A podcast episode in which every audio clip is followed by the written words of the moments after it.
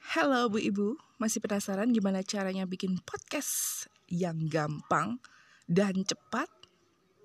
Bingung memulainya gimana? Sini Bu, sini Bu, sini Bu, aku bantu kasih tahu ya. Bu Ibu itu cukup download aja anchor.fm Karena dengan aplikasi anchor.fm ini Bu Ibu nggak perlu repot-repot untuk memulai bikin podcast sendiri Bu Ibu tinggal ngerekam suara di situ, edit audio juga di situ, mau nambahin pakai musik latar juga ada di situ. Easy peasy kan? Mau publish kalian podcastnya juga tinggal klik aja. Langsung tayang deh di Spotify dan platform podcast lainnya. Semua step yang ibu lakuin tadi tuh 100% gratis. Wow, jadi semangat kan bikin podcast? Ayo bu, cepetan download anchor.fm segera.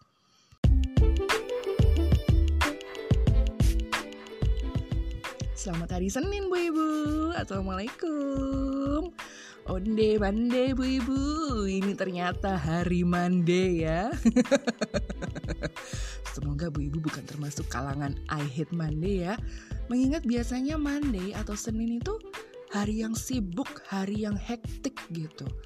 Karena berasanya tuh semua pekerjaan kok numpuk di hari Senin ya Padahal ya nggak juga sih, bu ibu aja kali yang ngerasa gitu.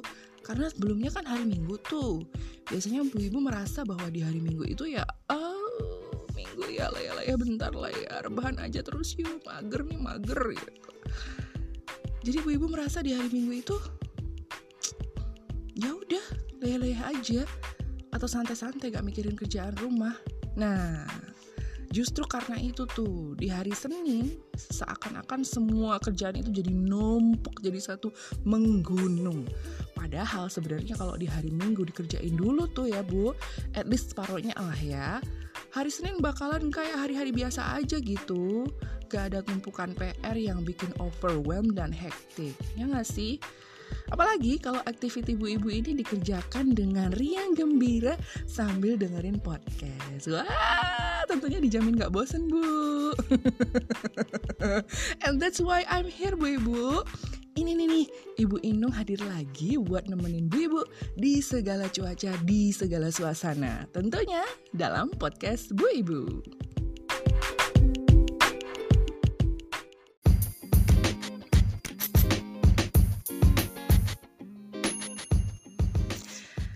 Bu Ibu Senin kali ini mungkin rasanya berbeza ya, berbeza.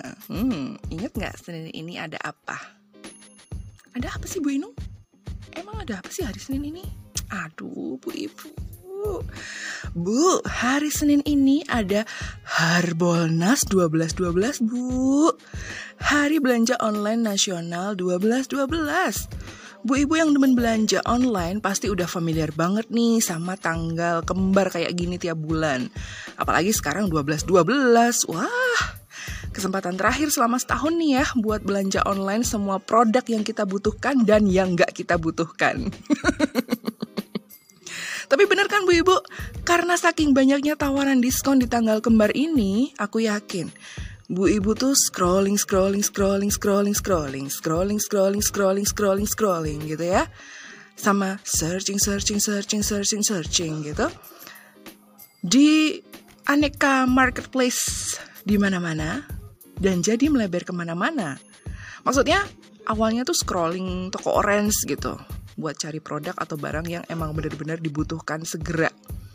Eh tapi lama-lama pindah ke toko Pak Edi misalnya yang warna hijau tuh buat lihat-lihat barang.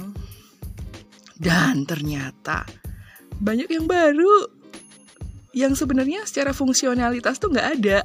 Tapi yang namanya bu ibu ya pengen punya karena mungkin aduh warnanya unyu-unyu nih lucu banget kemasannya bentuknya gemesin dan harganya didiskon banyak hampir 100% lagi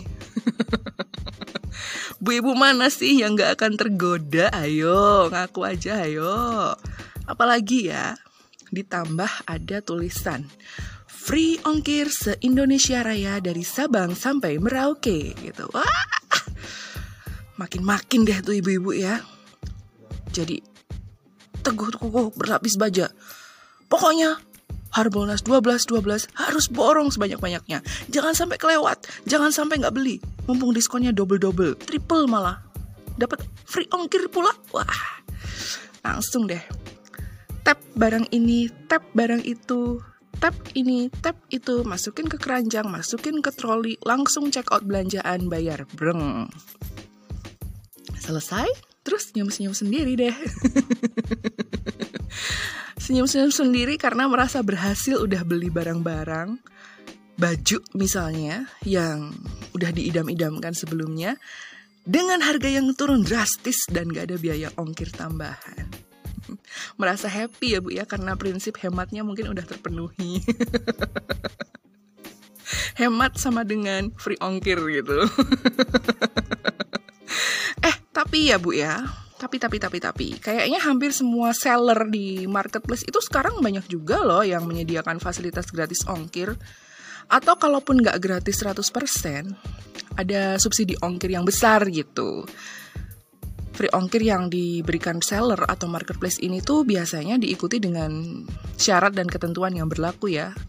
S dan K yang berlaku. Ada terms and condition kayak gitu. Seperti misalnya uh, di marketplace yang hijau tuh itu kan ada ada tulisannya uh, minimal pembelian 50.000 gratis ongkir gitu atau juga di toko orange tuh minimal pembelian 75.000 gratis ongkir.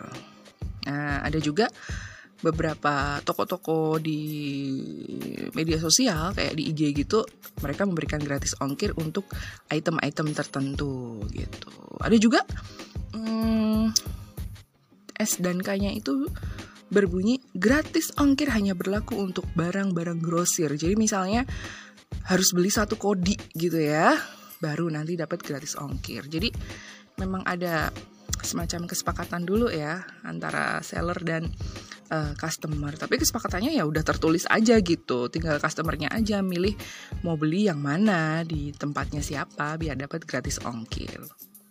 Tapi sebenarnya free ongkir dalam pembelian barang secara online itu ngaruh nggak sih ke bu ibu? Signifikan nggak pengaruhnya? Let's say bu ibu kan beli dress nih secara online misalnya harganya 250 ribu nah oleh si penjual bilang ongkirnya ditanggung pembeli. Ongkirnya misalnya 20 ribu. Eh, untuk bu ibu nilai 20 ribu tuh agak ketinggian ya misalnya. Misalnya nih, bu ibu jadi ragu-ragu. Kok ongkirnya sampai 20 ribu sih ya? Gitu. Jadi belum check out.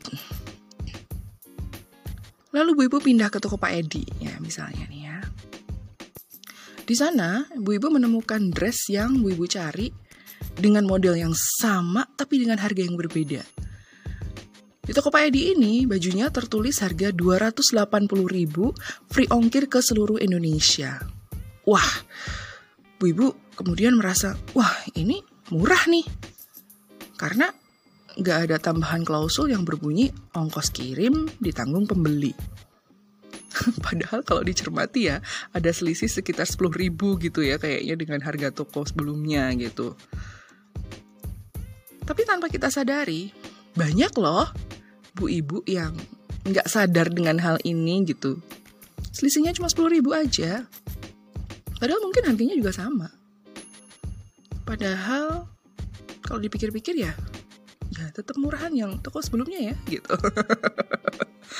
Tapi nggak sadar dengan hal ini. Apalagi kalau memang sudah kekeh, kekeh sumekeh gitu ya.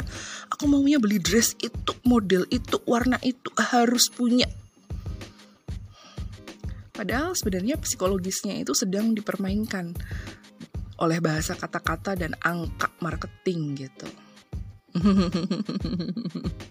Gak sadar kan Bu? Emang Bu Inu gak pernah kayak gitu? Oh, justru pernah dong.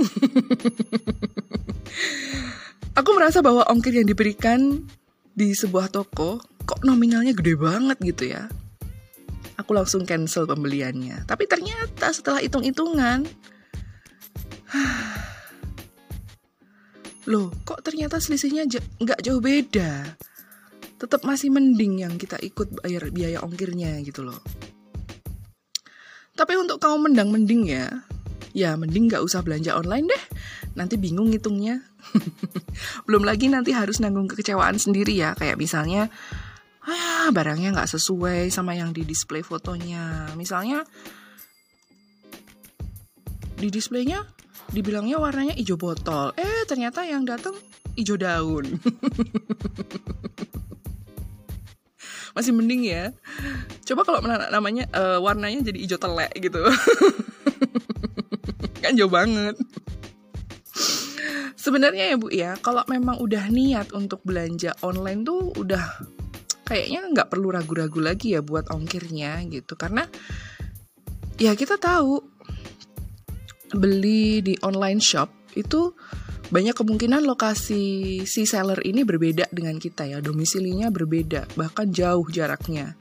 Jadi mereka itu kan perlu mengirimkan produk mereka yang udah Bu Ibu beli supaya barangnya nyampe di rumah Bu Ibu gitu. Ya gini aja deh, anggap aja sama dengan kalau misalnya Bu Ibu itu berbelanja secara konvensional gitu ya di pasar atau di supermarket atau di mall, di toko baju di daerah Bu Ibu. Nah, Bu Ibu ke tempat-tempat itu tadi kan sama aja dengan mengeluarkan biaya transportasi toh. Entah naik motor, entah naik mobil, entah naik taksi, entah naik public transport lainnya gitu. Ya kan?